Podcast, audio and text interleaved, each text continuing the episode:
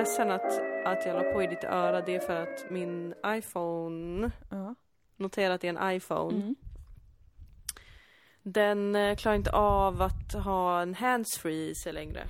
Åh nej, har den blivit obekväm? Eh, den har blivit obekväm så att den liksom, den lever sitt eget liv kan man säga. Den lägger ofta på när jag pratar i telefon, startar röststyrning Nej, men- och väldigt ofta när den lägger på medan jag pratar i telefon så startar den istället iTunes.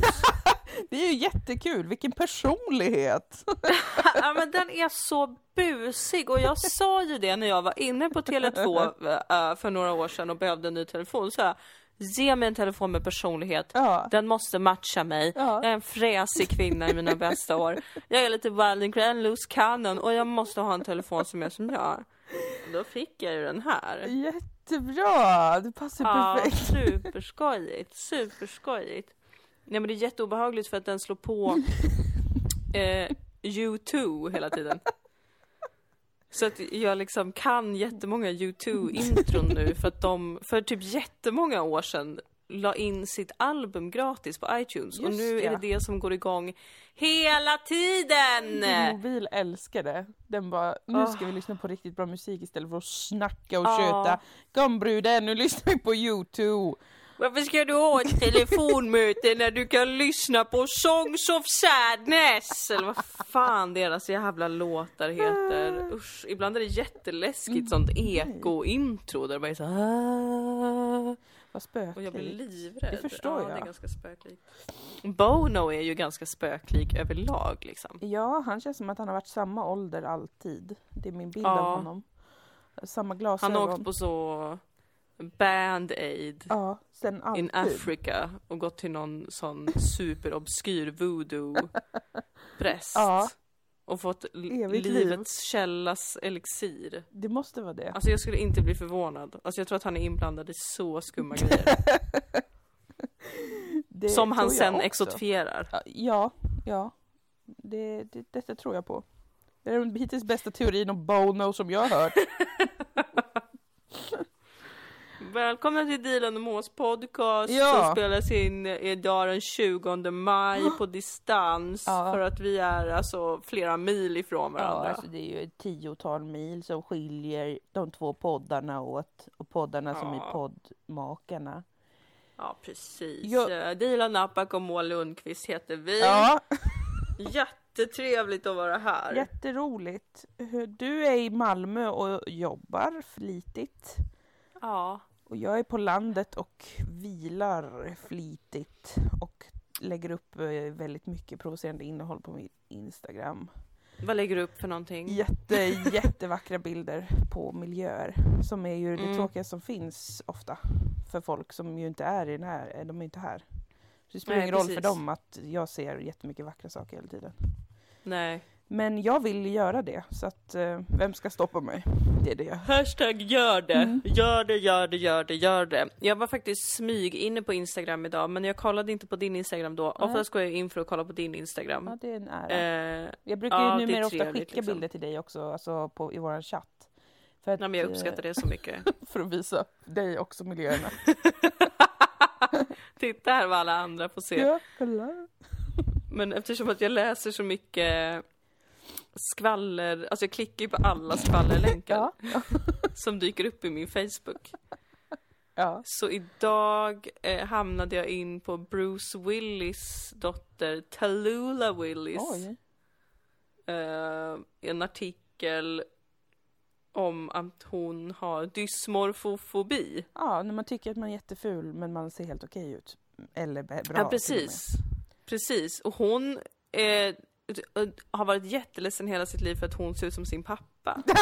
så jävla Det tyckte jag elakt. var så taskigt mot Men hennes gud, pappa. Ja, verkligen. För att han är ju skithet. Det är den där gamla skalliga va? Eller normal Bruce gamla. Willis. Ja, normal många år. Sex on legs. Action man. Visst. Alltså premium white meat skulle jag kalla det. Jävlar. Men visst, är, vi ser ett man framför mig. Jag har en känsla av att han har varit med i en actionfilm som involverar att han, det är något med att han byter blöjor på bebisar och en... Nej, jag tänker på någon annan actionman. Eller har han gjort exakt det? Han kan ha gjort det, Det det, han- känns det som han har gjort en sån film där han både är en action hero men han är också typ så "B- pappa. Eh, något Undrar om där. han har varit med i typ Tre män och en baby? Säkert något sånt. Nej. Han är ju med i de här Die Hard-filmerna. Ja. Hasta la vista baby. Yeah! Yeah! Men vad sorgligt för, för honom att hans dotter tycker att han är så fruktansvärt ful och att hon själv är så fruktansvärt ful. Det, det är Jättesorgligt. faktiskt hemskt. Det är inte att skratta åt din sjukdom. Be om ursäkt. Men är det en sjukdom? Det är väl ehm, att vara lite psykad som vi mång- många är. Som jag brukar säga. Ja, många är det. Det har jag lärt mig idag kan jag säga. Ö, oj. Juicy. Vad- Vilka har du träffat idag? Nej, jag har inte varit med. Jag har, jag har ju, som jag har berättat för er kära lyssnare, eh, så skulle ju jag vara moderator på nationella vägledarkonferensen. Ja, just det. Och det är jag just nu och det är väldigt intressanta föreläsningar och idag så var en kvinna där Mm. eh, som jobbar med hashtag existentiell hälsa. Wow, det låter som ett jobb som hon själv har hittat på och som jag vill ha. Ja, alltså det är ju det jobbet som du och jag har egentligen. Ja. Alltså det här är så jävla fett. Det, det som hon dels sa, Mm. eh, det var att eh, det upp, den upplevda, vad fan var det hon sa? Typ den upplevda psykiska ohälsan har ökat bland barn och ungdomar. Mm. Alltså inte så här verkliga psykiska sjukdomar, men den upplevda, att man upplever att man mår väldigt Ja, dåligt. att livet är Som jag dåligt. tänker att Talula kanske har. Ja, precis. För hon är ju inte... Eller jag vet inte hur hon ser ut, men hon ser väl inte ut som ett träsktroll eller eh, träsktroll som har parat sig med Bruce Willis. Hon, jag antar Nej, alltså hon... hon ser ut som ett fucking missfoster. Men det har inte saken, skojar. Nej, hon ser ut som en helt vanlig människa. Mm, en helt vanlig person. Alltså- mm. Ja. Och då är det ju hennes upplevelse då, att hon är otroligt ful Exakt. som Bruce Willis. Alltså, hur kan man vara så elak mot sin far? Och bara hela mitt liv, från att jag föddes har folk sagt att jag ser ut som min far. Man bara ja, Alltså, du är hans barn. pappa. Ja, exakt. Det är, inte, det är så himla dålig slutledningsförmåga att tro att det betyder att man ser exakt ut som en 50-årig gubbe. Alltså, det, det, du är Jag lik din väldigt- pappa. Alltså jag vet att man inte får hata på folk som är ledsna, men, Men har vi någonsin väldigt, inte gjort fick en väldigt gnällig vibe från ja, henne. Det låter som att Talula är ganska gnällig. Ja, jag hon kommer säkert det. få olika fredspriser för att hon talar nu om psykisk ohälsa som är att Ja. vara Bruce Willis dotter och se, vara lite lik sin pappa. Ja men jag var ju inne på hennes Instagram också i cirka tre år och där kom det ju upp väldigt mycket såna här Nu är jag med i ett samtal om mental health. Ja. Ja. Det, det, Men- det är mycket eh, med det och det är väl bra väl? Eller vad man nu säger. Ja, ja. Ja, eller är det bra? Eller är det det? Vi vet inte än. Det andra som eh, den här föreläsaren pratade om, Mm. som jag tyckte var, det jag bara kände, du och jag har haft rätt, alltid. Alltså du och jag, inte du och föreläsaren. Ja, jo, jag föreläser om. Vi har också startat en podd. ehm, där vi pratar om eh, astrologi ångest och allt däremellan. Nej! Typiskt! Lyssna på det här redan idag. Nej, du och jag såklart, min kära. Alltså, för hon sa, tydligen WHO, Världshälsoorganisationen, Ja. de jobbar också med existentiell hälsa. Vad alla jobbar med Men- det helt plötsligt. Jag vet, och de kallar det inte existential health Nej. på engelska, utan då kallas det spiritual health. Aha! Men när man översätter det till svenska sa hon, så vill folk inte översätta det till andlig eller spirituell, Nej, för, att det är för just flummigt. Det, just det, såklart. Så då säger man existentiell hälsa, som att existentiellt inte är Flummigt. Det är ju ännu större! Ja. Alltså jag tänker att andlighet och spiritualitet ingår ju i existensen. I, ja, precis. Men eh, det är såklart att alla stelbenta jävla svenskar ska hålla på och få gåshud av skräck av att använda ordet spirituell. Idioter hela högen. Vad menar du med, med, med dig att det ska finnas andar här alltså, jag tror inte det finns något annat än detta här, det här rummet, de här sakerna jag tittar på och håller i just nu. Inget annat finns ju. Alltså när jag har varit på Ica, då finns Ica va? Och sen när jag går ut från Ica, ja, då är det borta. ja då finns ju inte. är det något konstigt finns med det? Det är inget jävla Ja. hokus pokus, det är bara så det är. Ibland när jag blundar, då vet jag inte om jag finns. Otroligt filosofiskt dock. Men eh, hon berättade också att Sverige Alltså det är så Ja, pinsamt. bara Sverige har liksom fått, vi har liksom fått underkänt, mina ord underkänt, alltså vi, vi har fått underkänt, jag skrattar för att det är så tragiskt. Ja. WHO har liksom sagt att nej men Sverige det är ett av de länder där det liksom inte finns, det finns, det finns inga, det finns ingen existentiell hälsa, det finns inga naturliga samtal om Nej, det. men det- Alltså folk kan inte prata är om det det. sjukaste som finns att det är verkligen att vi har haft rätt i alla år. Och vi, har, Ja. vi backade av WHO, WHO backade Moas podcast. Ja! Det är ju helt sjukt. WHO borde sponsra oss. Jag har ju också spridit evangeliet, inte i podden, men till de flesta jag känner om att jag vet hur man spritar händerna och tar på av ett munskydd. Mm. Ja. För att jag har tittat på WHOs väldigt informativa videos. Ja. De borde du också titta på. Var är mina Vad pengar? fan är våra pengar WHO? Vi gör allt ert jobb i Sverige. Och inte, Ah. inte en spänn och inte ett tack får man av Världshälsoorganisationen. Fastän vi alltså lyfter Sveriges folkhälsa mer än någon annan. Förstår jag det som nu? På det här du säger. Alltså, och att vi har tjatat vecka ut Ja. och vecka in om hur andefattigt det här landet är. Ja, och att det måste till saker. Det kan, det Men- kan inte ta bort mer utan det måste till grejer för att folk ska få må lite bra här. Inte ens ett litet diplom kan vi få. Nej, det tycker jag är jävligt snålt. Vad kostar det att skriva ut det? 15 Men det kronor? kostar väl Alltså, då- 15 Ja, öre men skulle jag tänker tro. ett sånt riktigt fint papper, du vet. Alltså, och de kommer ju... Alltså en ram Ja. kanske till det. Som de får ta. Ja från visst och frakt och sånt där från... Ja, eh, 150 vet inte vart de- kanske blir. Ja men säg, vi rundar upp det till 500 och så kan vi också få en fin chokladask. Ja, det skulle Mm. vi ju kunna få från WHO. De bara, nej, det Vad skulle räcka till heter? tusen vaccindoser för barn i Jemen. Nej, nu är det dags Ja. att ge och Moa diplom. Ja men barnen i Jemen har ju i alla fall en gudstro. Ja, de uh, har känner inte det. vi här. Nej, det har Nej. inte. Nej.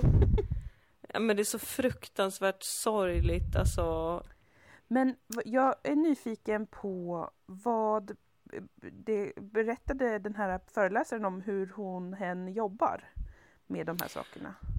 Alltså hon jobbar på ett företag som heter Part. Det är en förkortning, jag minns inte exakt vad den stod för nu. Man kan Party. söka på. Party.com, partybussen. Hon kör runt en buss. Uh, och så får man komma in om man är lite deppig. Ja, fan vad bra. Och får man lite LSD och så kör man. Nej men oj.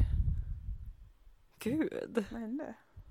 Jag har en granne i bar överkropp som gör någonting och liksom speglas i fönstret.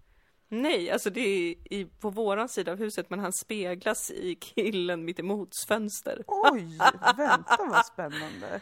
This is my lucky day. Så att du har en kille i, den vanliga killen alltså, som vi brukar säga. Ja, Hashtag no creep.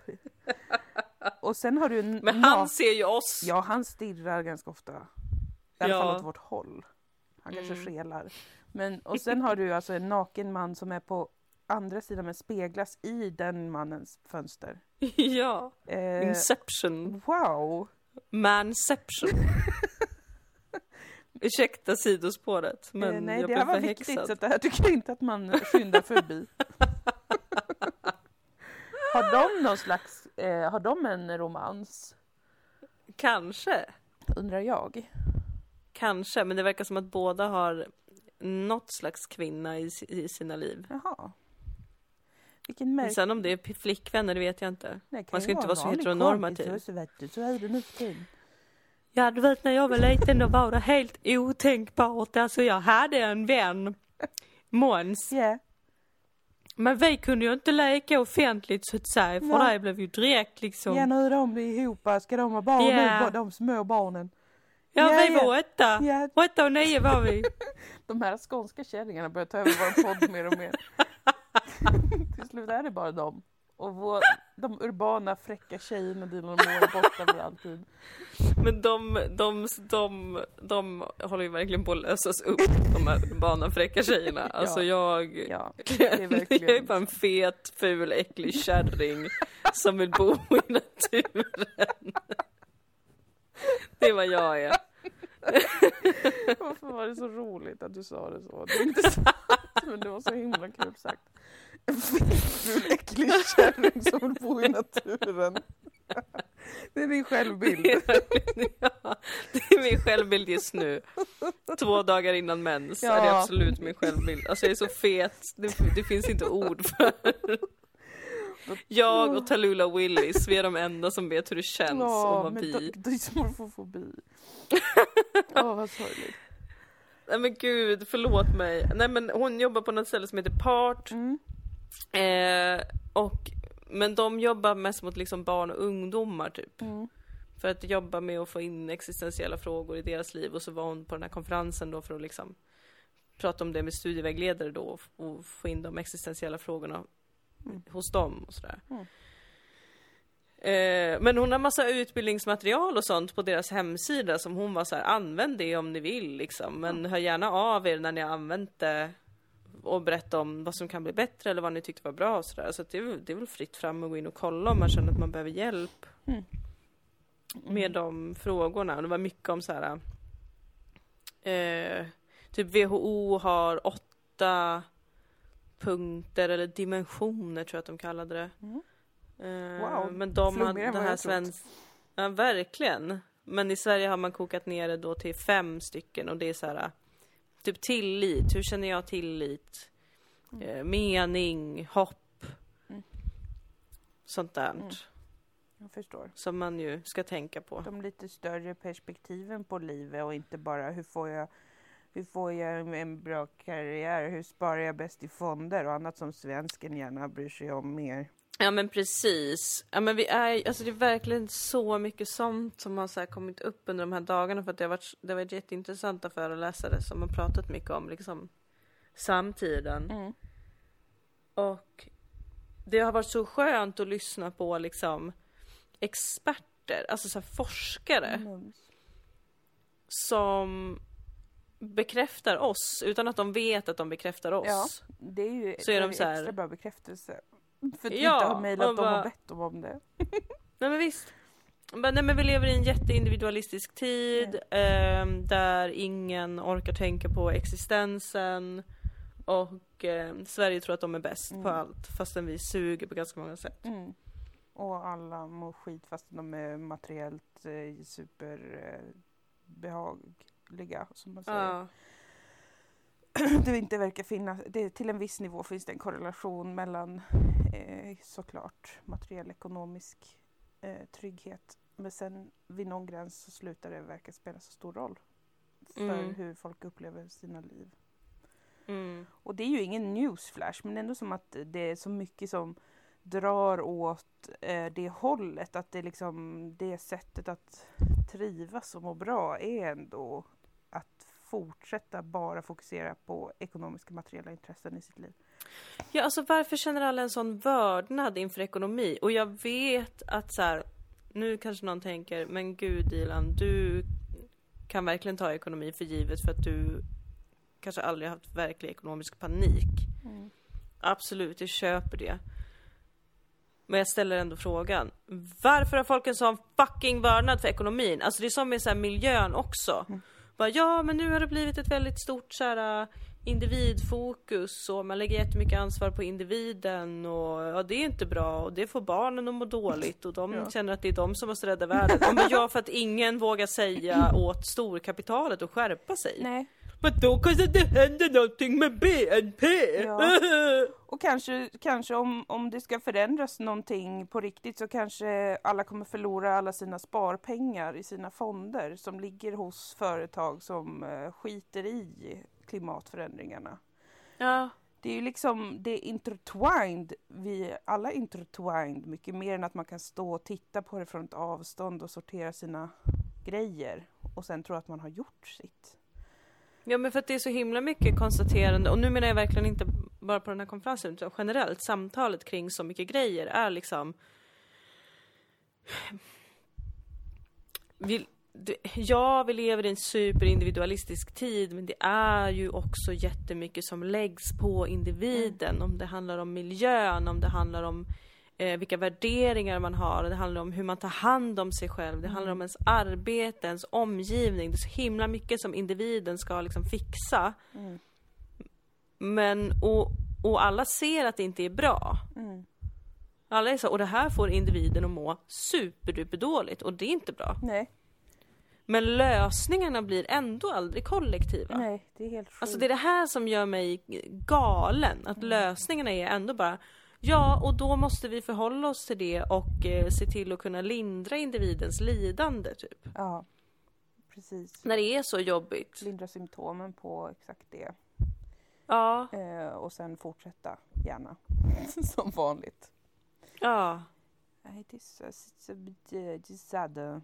Inte så. När vi löser inte sjukvården, utan istället så ser vi till att det blir en mycket större marknad för privata sjukförsäkringar. Mm, det är så jävla stört. Toppen! Och liksom, ja, nej, nej, det är, för, det är för dåligt. Så det kan gärna någon fixa, va? Hade varit ganska skönt, tycker Mm. jag.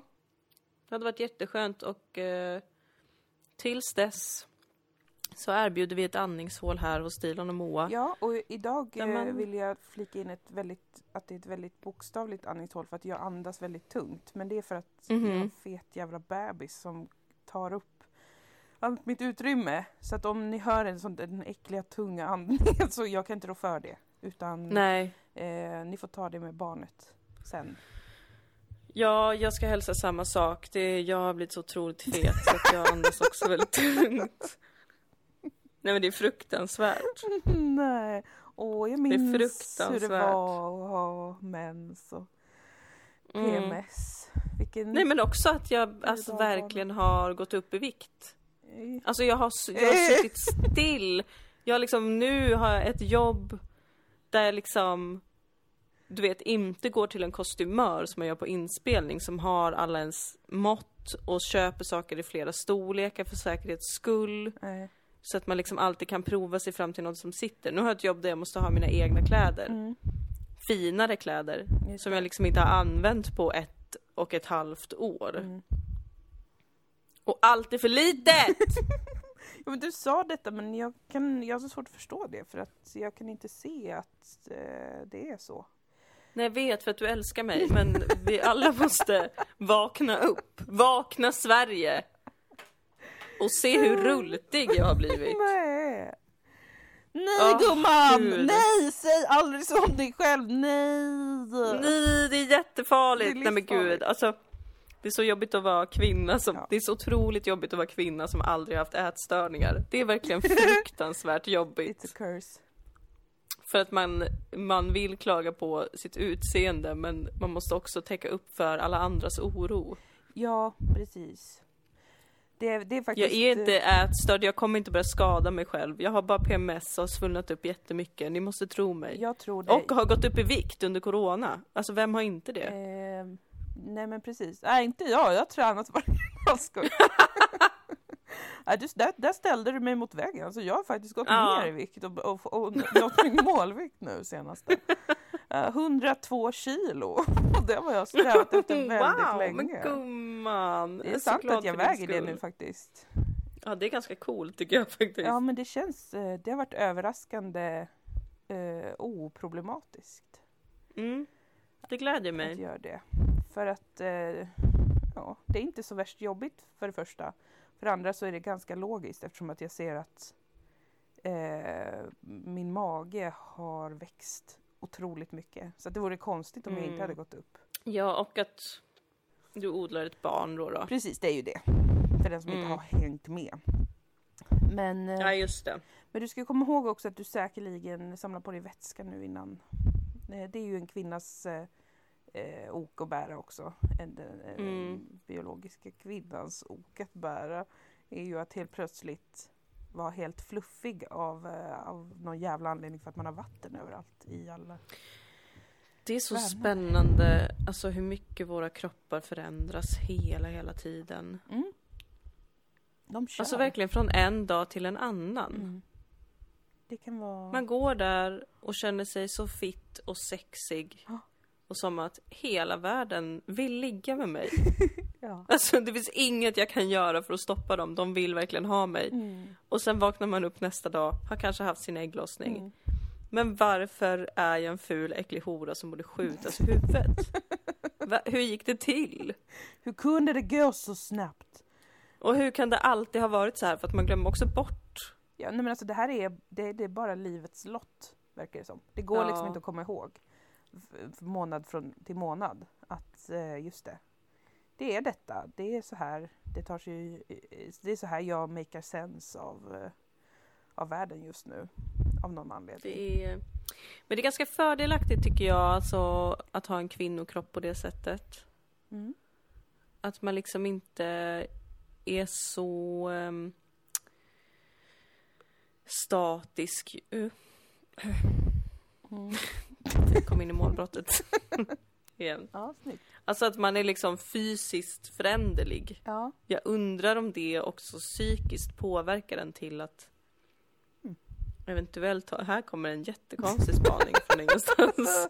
Jag gillar den redan. Men kan det göra en mer benägen att hänga med i yttre förändringar? Bara mer jag tänka då. flexibel. Men det verkar Ja. lite som att ganska många får, får panik av det föränderliga. Och vill bestraffa Ja, sig det är själva till att behålla samma form eller samma vikt eller så som man har haft tidigare. Tyvärr. Men det kanske skulle kunna innebära det, att man blir liksom mer flexibel överlag för att man också är så flexibel i sitt kött. för att det Ja, bara visst. bubbly bubbly bubbar eh, runt. Ja, man kan inte göra någonting åt det. Nej. Alltså det spelar ingen roll hur tjock eller smal man är. Nej, alltså man kommer ju ändå fluktuera. Ja, visst. Ja visst. Och det här med vattnet då. Det tycker jag är himla spännande och tokigt. Jag älskar ju vatten. Eh, Ja. och eh, när man är gravid så är det ju ganska många som får så här samla på sig vätska. Det är väl hormonellt antar jag. Och sen kanske att det blir mer belastning så att man får svullnade ben och sånt. För att man Mm. blir tyngre och så får man mer blod. En och en halv liter mer blod har jag nu. Oj. Det är sjukt det är. Men varför får man mer blod? Jag fattar inte det där. Jag vet inte, det är väl för att det ska försörja hela med moderkakan och barnet och Fast barnet har ju ett Mm. eget blodomlopp fast det skapas ju också då i min kropp skapas ju dens blod. Så jag vet inte varför, men det har ju med det att göra med barnet då. Men Ja, det är ju livets mirakel Ja, och mysterium. Nej, det är ju helt sjukt. Men då, jag har inte svullnat upp någonting än men jag räknar med att jag kommer göra det någon gång i alla fall. Närmre Ja. förlossningen. Och Ja. det förstår jag inte varför det är så mycket med vatten hela tiden för oss tjejor. Ni får be om ursäkt för det väldigt binära språket men jag tror att vi alla vet. Ja men är det inte det? Nej men jag tror att alla vet att vi tror inte på transsexualitet i den här Nej, jag tror podcasten. det finns två Det tror kön och sen är det punkt slut Ja. för den diskussionen. Ja. Godnatt liksom. Usch, ett, en våg av obehag sköljde över mig för att jag kom, insåg när vi skojade här nu att det faktiskt pågår en sån här diskussion Åh, i. Sverige. Men gör det inte alltid det för att det är alltid så hemskt och jobbigt och alla är sämst? Ja, för att allt är så andefattigt. Allt är andefattigt. Vi har en sån snäv förståelse av människan. Ja, det är faktiskt vårt nya, eh, vad heter det, motto. Att allt är så Mm. Nej men eh, Ja. det, det, vi bara använder ju förenklande språk såklart. Men jag tror att alla vet. Ja, precis. Eh, vad- Ja, men de rent fysiska, biologiska precis. kropparna så att säga. Precis. Men jag undrar, för att vatten känns ju också som något eh, väldigt mänskligt. ja, vi består ju av det- mycket vatten ju, som gurkor. Ja, även manskroppar då. Ja. Alla människokroppar. Och ganska många människor gillar ju vatten. Alltså att bada, att duscha, Ja. eh, Mm. att dricka vatten. Och det är så Det gulligt att vi tycker om att bada. jättegulligt! Det är Skruttegull Och- för Och djur. så supergulligt. Och när vi är foster och inne i magen, då ligger vi också och blubbar runt i fostervatten. Ja. Alltså även fast man har en sån hinnar ju runt, antar jag. Mm. Eller nej, man är ju i fostervattnet i en fosterhinna. Så när Just det. vattnet går är ju att den hinnan liksom spräcker, går sönder. Eller öppnar, ja. Usch, och så rinner allt vatten ut och så ligger de i en tom hinna. Det undrar jag också. Vad gör de då riktigt? Jag har inte lärt Ligger de mig. bara och pressar mot, mot hålet? mot Det, kloaken? det, är liksom... Nej, men det, jag har ju börjat nörda in mig extremt mycket men ändå kan jag inte svara på det här. Alltså jag kollar Nej. på två timmars lång eh, utbildning om, om eh, födandets fysiologi och anatomi. Jätte, Ja. Jätteintressant och det är så fascinerande. Men ändå kan jag verkligen inte säga när vattnet går, vad händer då? För då försvinner ju fostervattnet ut ur där inne där den är. är den, ligger den bara i blod då eller slem eller? Eller i ett vakuum, eller vad då? Ja, och, och För att det kan ju ta rätt lång tid efter att vattnet har gått ja till att den kommer ut väl? Ja precis, och för vissa så bara sipprar ju vattnet, för andra så töms det ju, alltså kommer det som ett flush liksom. Gud, så spännande när ditt vatten går. Hoppas det Hur går. det kommer är inte, gå. Det är inte säkert det gör det förrän man är i, eh, där i, på uppöppningsskedet.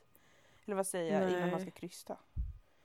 Jaha. För vissa går inte vattnet innan, det beror på. Jag hoppas att det blir som på film, Mm. att det är så här. Åh, det är lite stressigt, vad ska vi göra? Åh, du har glömt nycklarna. Oj, vi ska åka till eh, kanske Bolist. Du ska åka till Bolis och shoppa men vattnet har gått. Åh, splash! Nej, vi kan inte göra det nu, vattnet har gått. Och alla Har börjar skratta. vattnet gått? Oh my god! hysterisk stämning. Ja.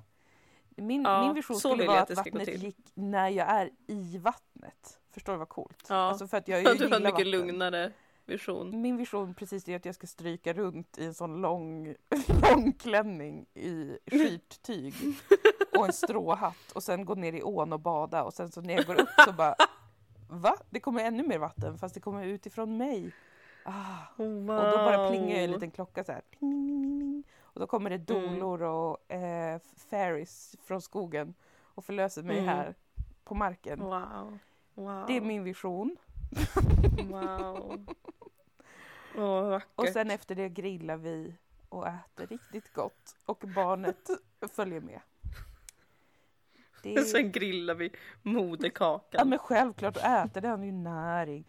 Det är något Tillsammans med andra häxor. Mm. jag kan inte vara så progressiv att jag tycker att det är coolt att äta moderkaka. Jag tycker att det är jätteäckligt. Och jag ber om ursäkt till de som inte tycker det. Jag förstår att Jag det kanske undrar- är normalt eller coolt eller något. Men jag kan inte känna det. Jag är Eh, jättedömande. Jag nej. tycker det är äckligt. Låt bli. Jag tycker också att det är äckligt men jag undrar om människan, för det är väl, gör väl de flesta däggdjur Ja, eller? katter, katter de har en moderkaka per kattunge. Så de pregar ut Oj. en unge, sen tuggar de i sig den, alltså moderkakan för den ungen. Mm. Så får de näring hela förlossningen. För de kan ju få typ åtta ungar. kan ta lång tid. Wow. Och jag tror väldigt många däggdjur gör, gör detta. Kor tror jag äter moderkakan som extra näring. Ja, alltså gör växtätande djur det också? Mm, ja kor är Eller ju är de det. så, nej tack jag är Nej, vegetarian. kor, kor är ju växtätare, de äter moderkakan. Hmm. Det här har jag sagt till dig, man behöver inte ta dåligt samvete för, för att äta kött för att de gör samma sak. Fast de Ja, men äter sin egen Jag tycker att det känns lite grovt efter att vi har typ grillat entrecote, att sen dagen efter stå och, och prata artigt med 15 000 kor som går runt i hagen bredvid. Ja. För att jag vet att de, alltså jag är, jag, jag blir mer och mer rädd för kor Ja, för varje dag som går. Alltså varför mördar de inte oss? men de är... De vet inte hur de ska göra det.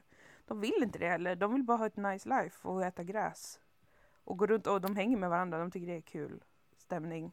De skulle kunna döda oss hur lätt som helst. Fast de kan inte äta oss direkt. Nej men de kan ju, de vill väl inte äta oss, de vill väl döda oss för att vi har ätit dem i årtusenden. Nej, de är bara glada för att få vara här. Det är stämning. Ja uppenbarligen, för de har inte gjort det. Alltså ibland står jag och skälver framför dem. Ja. För att jag är såhär, det här staketet är inte... Nej, alltså det är typ en pinne som sitter uppe. Och de bara Ja. Jag kan inte gå där, dumma flicka. Det är ju en mur mellan oss. Man bara, eh, nej. Åh gud, de är såna, bara ett gäng jätteduktiga flickor. Ja, det är de. de. Nej men jag tänker inte gå där om man inte får det.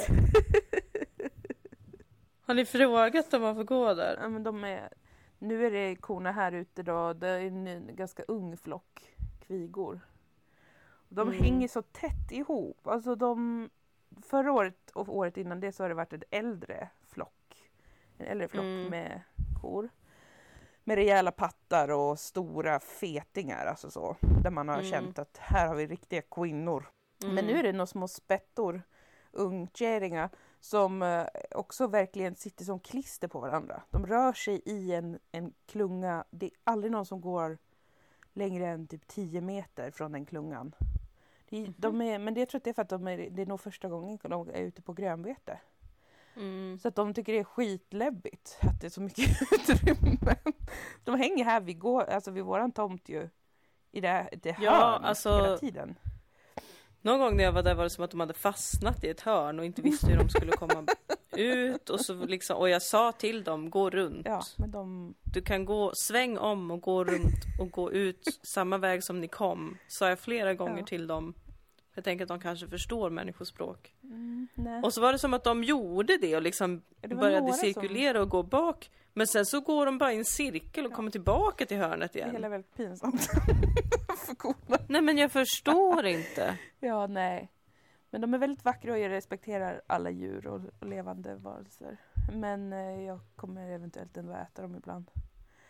Oops, kan man ha två saker i huvudet samtidigt? Det är något som chockar både experter och forskare. Jag har ändå ätit en del kött på sista tiden. Mm. Men jag, jag kan fortfarande inte bestämma mig för om det är rätt eller fel. Nej. Man måste inte bestämma sig kanske. Man får fundera fram och tillbaka. Det tror jag är det viktiga. Mm. Men jag skulle vilja landa i någonting där faktiskt. Mm, Okej, då får du göra det. För mig är världen svart eller vit. Det finns inga gråzoner. Kom inte här med dina gråzoner och lek med mig. Jag vet ju vad jag står på ett sätt och det är ju att jag tycker att djur och köttindustrin ska förbjudas så att det ska vara fängelsestraff och jätte, jätte, jättehårda domar för djurplågeri och standarden för hur ett djur ska leva ska vara extremt mycket högre än vad den redan är. Det, det, är, inte, det är inte lugnt för mig att det är så här Sverige har de bästa djurskydd. Ja, men det räcker inte. De ska ha det så jävla fucking fitte bra. Varenda dag av sina liv ska de ha det. Och Mm. eh, det ska inte finnas stora slakterier, det ska vara olagligt att stressa ett däggdjur, eh, separera dem från sina barn för tidigt. Det ska vara olagligt att eh, göra någonting överhuvudtaget som bryter mot deras eh, livsmönster som de gillar och vill ha. Det Mm. tycker jag är det absolut viktigaste. Jag, jag varje gång, nej, ibland när jag åker till Kristianstad för att jag måste, jag gillar inte Kristianstad, men ibland måste jag åka dit och hämta någon som hälsar på eller åka tåg eller något. Mm. Då åker jag förbi Scan. Eh, Mhm. Mamma Scan, den vidrigaste mamman av alla. Och Mm. eh, en gång, det här kanske jag redan berättat, jag kommer berätta det igen för det är ett så tydligt minne. En gång så stod det Mm. en transport med grisar utanför och skulle åka in där. Det är väl ett slakteri antar jag. Och då kände jag alltså en så stark impuls att bromsa in, kliva ur bilen, släppa ut alla grisar på öppen gata, spränga Mm. hela Scan Mm. polisanmäla de som har jobbat med att starta upp och ha det. Ja. Inte de som kanske har jobbat i slakteriet. Så de mår ju jättedåligt ofta. De behöver ju typ terapi för att det är så hemskt. Va? Det är, så här, det är jättevanligt eh, att människor som jobbar i slakterier, sådana stora slakterier, har psykisk Mm. ohälsa. Alltså för att det är så hemskt. Att eh, ha som, det som jobb. Det har jag läst. riktigt? Jag kan inte säga eh, det 100% för jag kommer inte ihåg vars, vilken min källa är. Men jag vet att jag har läst det. Att det är liksom, och det gäller sådana här stora, alltså du vet industrislakterier då. Inte Mm. kanske om man är en farmare som skjuter av eh, sina djur då och då och säljer köttet. Men om man jobbar på en sån där stor aluminiumfabrik där det bara kommer in så här 500 grisar som man ska skjuta i huvudet och de alla har panik. Mm. Då kan man ju förstå att det är som att jobba som en bödel, verkligen bara. Och att man vill till slut själv dö, kanske. För att det är så hemskt Ja. allt och cyniskt och mörkt och det finns ingen morgondag. Men i alla fall, jag gjorde ju inte det. Men det, jag tänkte sen att det, det finns inget försvar. Det, det får inte finnas. Ingen får äta det där. Det får inte vara en grej att äta eh, däggdjur på det här sättet. Alltså de, Mm. Företagen ska inte få finnas. Industrin ska inte få finnas. Den borde vara olaglig och eh, det borde vara straff på att eh, driva något sånt. Det kände jag och det känner jag är abundantly clear.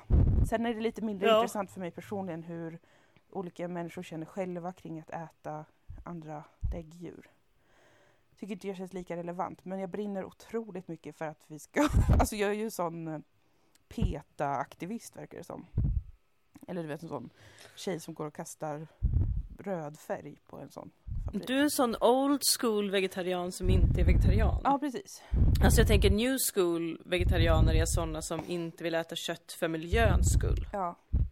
Och old school är sådana som inte vill äta kött för djurens skull. Mm. Och jag, vill, jag äter ju kött sedan fem år tillbaka. Ja. Ehm, men det, förändra, det, det som förändrades där var inte de här grejerna. Det här har jag tyckt sedan jag var ett barn. Alltså att man Mm. borde bränna ner och spränga fabriker och att djur, köttindustrin är ett groteskt övergrepp mot levande varelser. Och att det borde vara Mm. helt enkelt bara rakt av olagligt. Det finns ingenting som går att försvara med det. Men sen att Mm. äta kött, ja, det, det, det tänder mig inte lika mycket. Det gjorde det ett tag, fram tills jag var kanske där 25. Mm. Sen började jag känna att jag Mm. bryr mig inte om det. Det är inte viktigt. Eh, alla har väl sin egen upplevelse av det där och ibland så kanske man har en, en, en känsla av att man, ja, att det är obehagligt att äta kött för att man känner en samhörighet eller en koppling till djur. Eller så tycker man att det är miljövådligt eller så tycker man det ena eller andra. Men det jag känner så starkt är bara så här, vi måste se till att förbjuda hela den industrin. Sen småskaligt så tycker jag att det ska finnas. Alltså småskaliga, alltså såklart eh, köttproducenter och lantbruk och sånt där. Jag tycker mest att det är socialt stressigt. Med om man är vägg eller inte. Ja men alltså, jag kan känna som att, och särskilt efter att jag har hört mycket om, det har blivit en stor grej med så här, fertilitetsförståelse och sånt där. Ja just det. Eh, att kvinnor försöker lära sig mer om sina egna cykler och ehm, Mm. kartlägga dem och att jag har hört en del om det här att många som har problem, hormonella problem nu vet jag inte om det finns, det här verkar också vara ett jävligt känsligt ämne. Alltså vissa blir så jävla sura på sånt här.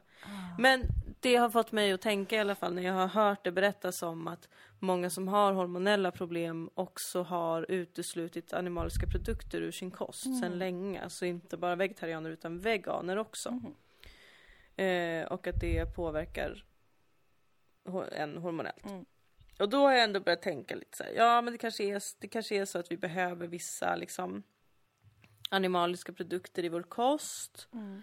Ehm, om man bara frånkopplar det, den moraliska frågan, ska få, ska, borde vi få döda andra varelser liksom? Mm. Men då känner jag också, jag känner mig okej med det. Jag känner så här, det skulle vara absolut okej att äta kött någon gång i veckan. Mm. För att jag tror heller inte att man ska äta det varje Nej, dag. men gud, det vet, jag det tror på liksom bondefilosofin. Ja exakt. Mm. Så som mina föräldrar växte Ja, Ibland finns det kött. lyx, eh, eller liksom ett undantag eh, till ens vardagskost. Mm. Eh, För att vi behöver inte egentligen kanske något kött eller så behöver vi eller må bra av en viss nivå av det men inte mycket. Precis, men då känner jag just det här som jag ofta känner när jag står vid kohagen, att jag kan inte vara trevlig mot er för att Mm. jag har ätit er, jag har ätit er sort. Mm. Alltså det blir liksom socialt awkward känner jag. Jag. Kan hänga med hundar, jättekul. Jag menar jag äter inte hund. Nej, Jag äter inte häst. Jag har ätit häst en gång i mitt liv av misstag och det var en fruktansvärt Just traumatisk upplevelse. Ja. ja men, då är det ju för Men, att man har eh, utvecklat liksom en emotionell anknytning eh, till liksom vissa djur eh, som är kanske då kulturellt betingat och så att vi känner så inför hundar väldigt mycket här. Det är ju inte, Mm. vet vi ju, är ju inte självklart att man känner så utan där kan ju vissa människor tänka på hundar som eh, mat. Det är ju inte Ja, i Kina äter de ju Ja, i hundar. flera delar av världen, alltså vildhund Ja. och sånt där är ju inte jättekonstigt att äta på, på en del, hel del platser. Så. Eh, Mm. Men det är klart att man inte, då äter man ju inte sitt husdjur, då köper man ju inte en valp som man leker och gullar med och sen äter den Nej, på precis. jul. Alltså det hade ju varit, det hade ju varit freaky, men liksom Ja, den anknytningen, och den tror jag behövs mer av generellt i världen. Alltså att koppla an till djur och till natur och till eh, andra sentient beings som, eh, som eh, är här. Det tror jag är en bra Mm. och viktig egenskap som vi människor har med oss. Alltså att inte distansera sig och från stöta bort att det kött är faktiskt ett djur. Mm. Men där kommer ju eh, döden in som aspekt i det, Mhm. alltså med att äta kött. Alltså en del handlar om det där tänker jag, för- min egen del i alla fall. En del handlar om den Mm. emotionella kopplingen till till exempel andra däggdjur. Som för mig Mm. så har, har förändrats över tid i mitt liv. Mm. Gud, jag andas så tungt, det är så äckligt. Men, men det kan liksom, Mm. den, den nu är, det är ganska så individuellt och även då betingat av samhället jag lever i, vad som är norm och vad som är okej och påbjudet och, Mm. och sådär. Men det, det finns ändå en emotionell del i detta ju. Mm. Men sen så finns ju den delen som också är emotionell men som handlar om, hur, som du var inne på, hur man tänker kring att eh, djuren ju dör. Alltså att man äter någon Mm. som är död. Och ska det... ehm, och, vad, och vad man känner inför döden egentligen. Och inför liksom Mm. att vårt eh, ekosystem, även om det hade varit ostört så hade det inneburit död. Eh, på olika Mm. sätt. Alltså att djur rovdjur dödar ju eh, gr- gräsätare och äter kött och hundar äter ju Alltså även våran eh, gulliga lilla sydentass hade ju inte blinkat om hon hittar eh, ett as. Nej men de äter ju också vad som helst. Ja, alltså det det är är där jag känner att jag kan relatera till hundar som ett fellow däggdjur. Att så här, men ni är lite grisiga som oss liksom. Ja. Precis, men de, många hundar dödar ju också. Alltså jakthundar eller hundar som har, har jaktlinjer i sig. De hugger ju ut fåglar och kaniner och sånt där, duvor. Mm. Eh, bara för att det sitter liksom då i hur, man har, hur de har avlats. Och sen vilda rovdjur såklart dödar ju för att äta och överleva men vissa gör det också för att de får någon slags girig fix. Jag kollar på dig vargen! Fortfarande inte förstått dig riktigt. My best friend. Yes.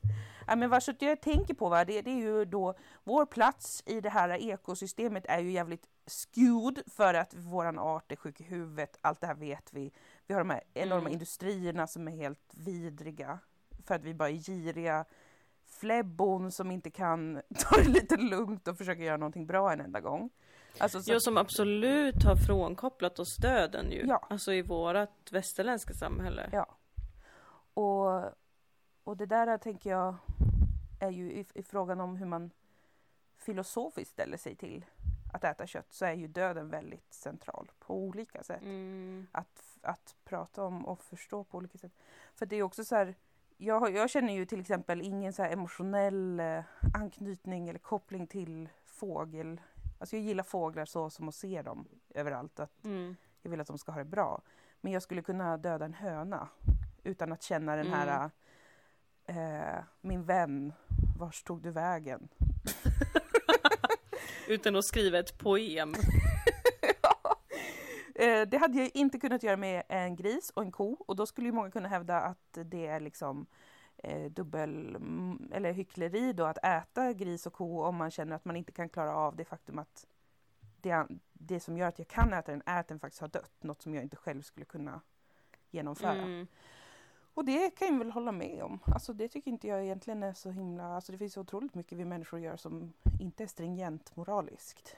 Eh, utan vi gör det för att vi Mm. kanske är lata eller giriga eller eh, det är enkelt, det är påbjudet. Och det blir också så här, Mm. det är väl bättre att man är ärlig med det än att låtsas som att det är något annat eller låtsas som att det inte är någon grej alls. För det är ändå en grej. Och det är ändå en respekt jag tycker man kan uppbåda, även, eller så här, om man äter kött. Ehm, Mm. Att liksom inte undvika åtminstone. Att nej men det kanske inte är, det kanske inte måste vara och det kanske inte är rakt igenom moraliskt försvarbart. Det kanske inte är så vi människor oftast opererar, navigerar världen. Men det är Mm. viktigt att i så fall, tänker jag, vara medveten om det och kunna prata om det och inte vara för alltså defensiv som jag tror många köttätare ju är. Alltså som du vet så här. Jag älskar kött, jag skulle aldrig inte äta kött, kött, kött! Alltså den där typen i olika former. Ja. Det är också som att man bara, men du är ju bara i förnekelse nu för du blir livrädd av att du vet någonstans att det här är lite jobbigt. Inte kanske så här Mm. emotionellt då att du känner så för djur, men det är lite liksom det är i det där gränslandet hela tiden. Vad, vad tänker vi, vad tycker vi om våran plats, om våran roll, om eh, vad man har för ansvar och skyldigheter inför andra levande varelser och deras välmående. Alltså det är som, går inte att koppla bort det. För att vi lever i ett så andefattigt Det samhälle. är ju det alltså. It all comes back to this. It does, it does. Och det... mm, Jag tänker ju mycket på djuren va. Jag, jag älskar ju djur och har alltid gjort det väldigt mycket va. Som ni alla vet. Och det är ju förvirrande för många att jag inte är liksom eh, ve- vegan eller ens vegetarian. Men, eh, Nej, förklara dig. men jag tror jag tänker på det kanske mer än 99 procent av befolkningen. Skryt. Otroligt skryt om vad du tänker på. tänker på djuren hela tiden. Ja, Mer än hela, hela, på hela människorna. tiden. Jag tänker ofta på det också. Skulle jag kunna döda dig? Nej. Skulle du döda mig? Ja, det kanske du skulle. Du, det förändrar spelbordet. Okej, jag skulle kunna Mm. döda dig. Sådana här saker tänker jag, Jag på. skulle kunna leja en annan människa indirekt till att döda dig. Ja, precis. Alltså en slaktare. Ja. ja, det är en Jag är bara så rädd att alla ska vända sig emot oss hela tiden. Alltså både djuren men också teknologin är jag ju väldigt mån om och inte förolämpa Ja, för mycket. Jag Nu har jag förolämpat min iPhone väldigt mycket. Jag vet inte om det kanske är därför som den har... mm. Men, Men jag är väldigt stolt över min iPhone. Alltså jag tappar den i karaktär. golvet hela tiden. ja. Ja. Och att den bara har blivit lite dement är ju otroligt. ja, och jag eh, gav ju den en komplimang att den är så, Ja. att den är så, så liksom eh, egensinnad. En tuff lur i lyxförpackning. Ja, det är det. Ja, det är vad den är ju. Men jag hoppas verkligen inte att alla kommer vända sig mot människoarten, alltså så. Men to be fair hade det väl inte varit så överraskande. Nej. Alltså så, eller eh, ens, ens orättvist. Utan det hade väl kanske varit något som behöver hända. Men jag, jag, jag Mm. tror nog inte det. Jag tror vi kommer få göra oss Nej, vi själva. har väl... Ja, herregud. Jag menar, kolla vilken på. framtid vi har stakat ut oss, åt oss själva. Mm, precis, det är liksom eh, expertis number one och så riktigt grisiga och i det fula avseendet grisiga. Mm. Inte de vackra däggdjuren gris. Men alltså, Tänk att, att ha så livlig fantasi ja. skulle leda oss rakt i fördärvet. ja, så jävla pinsamt. Men vad ska man så göra? Alltså, man försöker väl. Ja. Men vad ska man göra? Det, det marscherar ju hela tiden mot bara total delusion and death. Det är bara att andas djupt och söka sig till naturen. Ja, och filosofera runt djuren och naturen. Ja, precis. Det tror jag också. Sitta ner. Jag tycker att man kan, eh, om man är lite stressad eller ledsen eller sådär. Mm. Då skulle jag vilja rekommendera att gå ut och hitta koltrastar. Mm. För att de tycker jag sjunger så otroligt vackert. Alltså de har gjort mig så glad den här våren. Ja, de sjunger faktiskt jättefint. De är såna änglar i Guds armé. Ja, det är de. Och särskilt i Malmö där det liksom är så himla jävla mycket måsskrik hela Ja, tiden. det är ju inte ett harmoniskt naturljud. Måsarna alltså. Det är Vad är det för fel på nej, dem? Det, det, Nej men alltså varför är de såna jag fittor? vet inte. Det har alltid varit så här och eh, alltså det är en av de värsta Alltså sidorna med duvorna har i alla fall hyfs. Ja. Mer än måsarna i alla fall. Men då finns det alltid en och annan koltrast som slår sig ner på något hustak och sjunger eh, det vackraste jag någonsin har hört. Sitt hjärtas röst. Ja, Ja. hitta dem Alltså, och lyssna på Ja dem. men alltså, och tänk på det är ju Mm. otroligt sjukt. Alltså att fåglar sjunger. Även om det är för att de vill eh, knolla varandra eller vad det nu är. Så är det bara, Mm. men hur i helvete kan detta vara verkligheten? Att det liksom flyger omkring varelser i luften som sjunger. Alltså Men gud, det är därför de är så grova. Jag har ju länge undrat varför många fågelarter är alltså så patriarkala och äckliga Mm. och våldsamma mot varandra. Mm. Och det slog mig nu när du sa det att det måste ju vara för att de kan sjunga. Lex R. Kelly, som vi har Ah, talat de har om så tidigare här i podden. mycket självförtroende kring sin sångröst att de eh, Ja, går och- upp i sig själva helt. Och, Och att man blir tillåten att göra jättemycket sjuka saker för att man kan sjunga som en ängel. Ja, det är ju, oftast är det ju hanfåglarna som sjunger va?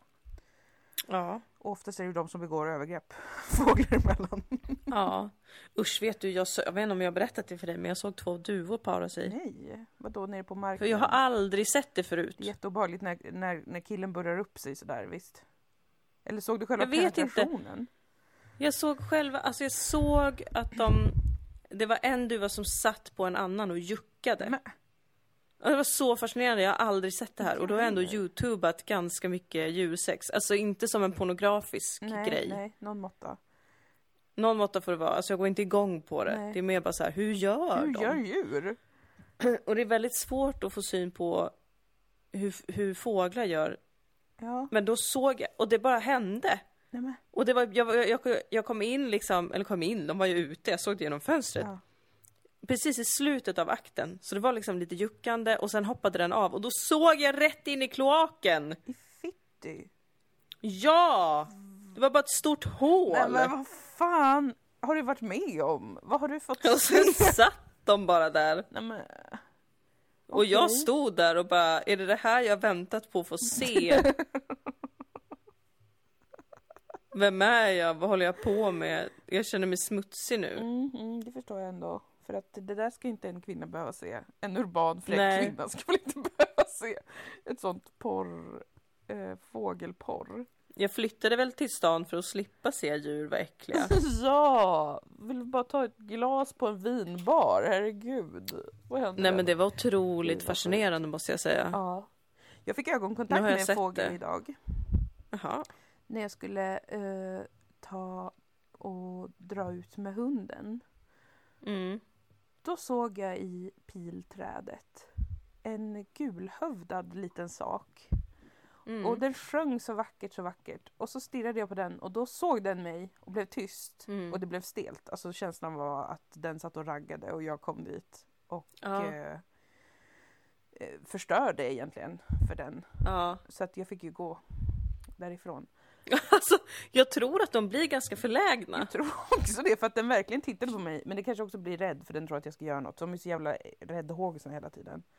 Ja, men Fåglar. jag tänker också, jag tänkte också det förut, att men det är för att de blir skrämda och de flyger iväg. Men jag sa, häromdagen var jag ute och gick och så satte jag mig vid den här, eh, du vet i en av kyrkogårdarna i Malmö så finns det en sån minneslund Mm, mm. med liksom fontän. Ja, Där det porlar väldigt vackert. ja. Och det är såna buskar runt omkring som, alltså de har blommor nu som doftar. Ja, just det. Det är jättefint. Åh, gud vad gott de doftar. Alltså det ser ut som typ porslinsblommor eller någonting. Mm. Rätt. Då satte jag mig där Ja. för att ha en stund av andakt. Ja. Och så satte jag mig mitt emot fontänen och så kommer det en skata. Mhm. Flyger upp, sätter sig högst upp på fontänen och då tittar jag på den för att jag vill väldigt gärna få kontakt med skator Mm. för att vi alla känner till att om man lyckas strö salt på en skatas stjärtfjädrar så får man sju önskningar. Just det, det vet vi. Så jag sitter där och åmar mig och gör mig till. Ja. Nej det gör jag inte. Jag, jag bara tittade på den. Ja. Jag ville ändå få någon slags kontakt. Ja. Och så hoppar den, den flyger upp, sätter sig, bajsar lite rätt ner i vattnet. Och det såg jag, så tänkte jag. Men vad gör du? Bajsar rätt ner i vattnet. Och så vänder den sig om, ser mig. Och så var det verkligen som att den blev förlägen och bara oj! Och flög iväg. Nej men de, de blir förlagna, det måste vara svaret. De Alltså den var så chill och soft. Ja. För det var, det, alltså det är så, jag, jag läser inte in nu. Nej. Det var verkligen som att den bara, åh vad skönt att bajsa, oj, oj, oj. Eh, hej, då, hej. Flög iväg. Ah, ja, men så var det med den här som raggade idag också. Också den känslan att den bara Ja. Mm. Okej, Ah, det var inte tanken att du skulle se det där. Vad ska vi göra nu? En av oss måste nej. gå. Och så gick jag. Den kanske trodde att du blev kåt på den, Ja. att den var så, Den bara, ah, this is the giant featherless bird that got her, got hot for me. Fuck. fuck. Not again! Not again! Som den här paradisfågeln som är, det är ju based on a true story i Sodom säsong 2 när, när psykologen berättar om de här paradisfåglarna. Ja. Eller var det i säsong 1 kanske? Ehm, nej, det är nog inte Ja, så. Ja, Mm. om en paradisfågel som, de bygger ju väldigt sådär delikata bon Ja. för att locka till sig en hona och sen dansar de för henne. Och då var det då, såg jag en dokumentär med en sån paradisfågel som började bygga och så kom det en ung hanfågel för att titta på. Jag har säkert berättat det här i podden redan. Ja. Men han kom och tittade på för att liksom lära sig. Ja. Men han såg ju, han var ju färgad precis som en, ha, en honfågel. Så den där äldre hanen började ju ragga sönder på honom. Tills han förstod att det var en hane och då blev han jätte, alltså så här riktig homofob fågel. Cornelis Vreeswijk.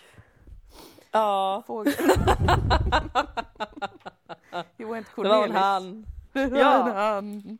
Och blev skitaggro. Men det var bara en lärjunge som ville, eller så var Ja. den yngre kanske var gay för honom. Det kan vi inte veta. Ja faktiskt, det kan vi inte veta. Det kan vi inte veta. Men sorgligt oavsett och fruktansvärt roligt för att det är så här, det är ju lite gay att hålla på och bygga ett så vackert eh, hus och sen dansa. Alltså, och ha jättevacker och ha fjäderutstyrsel. otrolig skrud, verkligen. Då, då kan man ju känna att den fågeln eh, kanske i alla fall inte borde, Borde vara med i brusa upp. RuPaul's Drag Race. Ja, och kanske borde vara lite mer flexig med vad han verkligen känner. Ja visst. Men de är ju jättepatriarkala, heteronormativa Många, alla. fittor. Förutom typ ping- pingviner, men räknas de ens som fåglar? Ja, det gör de. Eh, jag tycker inte de borde räknas som De är fåglar och jag tycker inte att de... Ja, jag förstår inte ens varför de lägger ägg. Nej, de borde föda levande ungar. Kan någon Ja, kontakta pingvinerna och säga det? De är Kan ju ganska ofta dem? gay. Alltså de uppfostrar Mm. barn ihop i samkönade par. Jag vet inte om det är Mm. ofta, men det händer i alla fall ganska frekvent. Det där är ju intressant att de lever så isolerat. För det har man ju sett att djur, nu har man inte gjort sån forskning i stadsmiljö, men i mer jordbruks och lantmiljö Ja. eh, så har man ju studerat djur kontra människor. Det här känner du kanske till för att vi tar upp det Helt sant. Mm, ja, jo, det låter bekant redan. Eh, att djur och människor eh, de liksom får liknande levnadsmönster när de lever nära varandra. Just ja. Mm. Utifrån den miljö de lever i liksom. ja. Det är ju intressant då att de djuren som lever mest isolerat är de mest queera Ja. djuren. De hamnar på, i samhällets utkant. Ja. Men du, Ja. nu ska jag gå och ta tempen för jag är så himla varm i ansiktet. Kan det vara att jag fått Oj. sol? Men jag var ute så tidigt på promenad. Ja. Det är nog inte feber, men eh, man kan ju inte vara Nej, nog kolla det. försiktig nu när man Gå och är... kolla det och hör av dig. Ja, det kommer jag göra. Mm. Men vi kommer göra ett till avsnitt nästa vecka och sen blir det väl sommarlov då. Juni, Ja. Ja. juli, augusti. ja. Mm, Vi får se exakt vilket datum vi återvänder. Det, man får hålla sig alert och på tårna. Som Dilan och Ja, det får man verkligen göra. Verkligen. Det är som vanligt med oss. Ja. Vi är lömska små katter. Ja. Man vet aldrig när vi försvinner och när vi dyker upp. Nej, precis. Either, either, either you love it or you hate it. You decide. Yes, That's just us. yes. Okay, Okay. darling. Take care of yourself. You Let me as know if you well. have a fever. call you instantly. Oh my god, you're so cute. Like I can't. I can't. I am. Okej, puss och kram Puss och kram alla allihopa. lyssnare. Vi hörs igen nästa vecka med vänlig hälsning. Ja, det gör vi. Med vänlig hälsning, humorduon.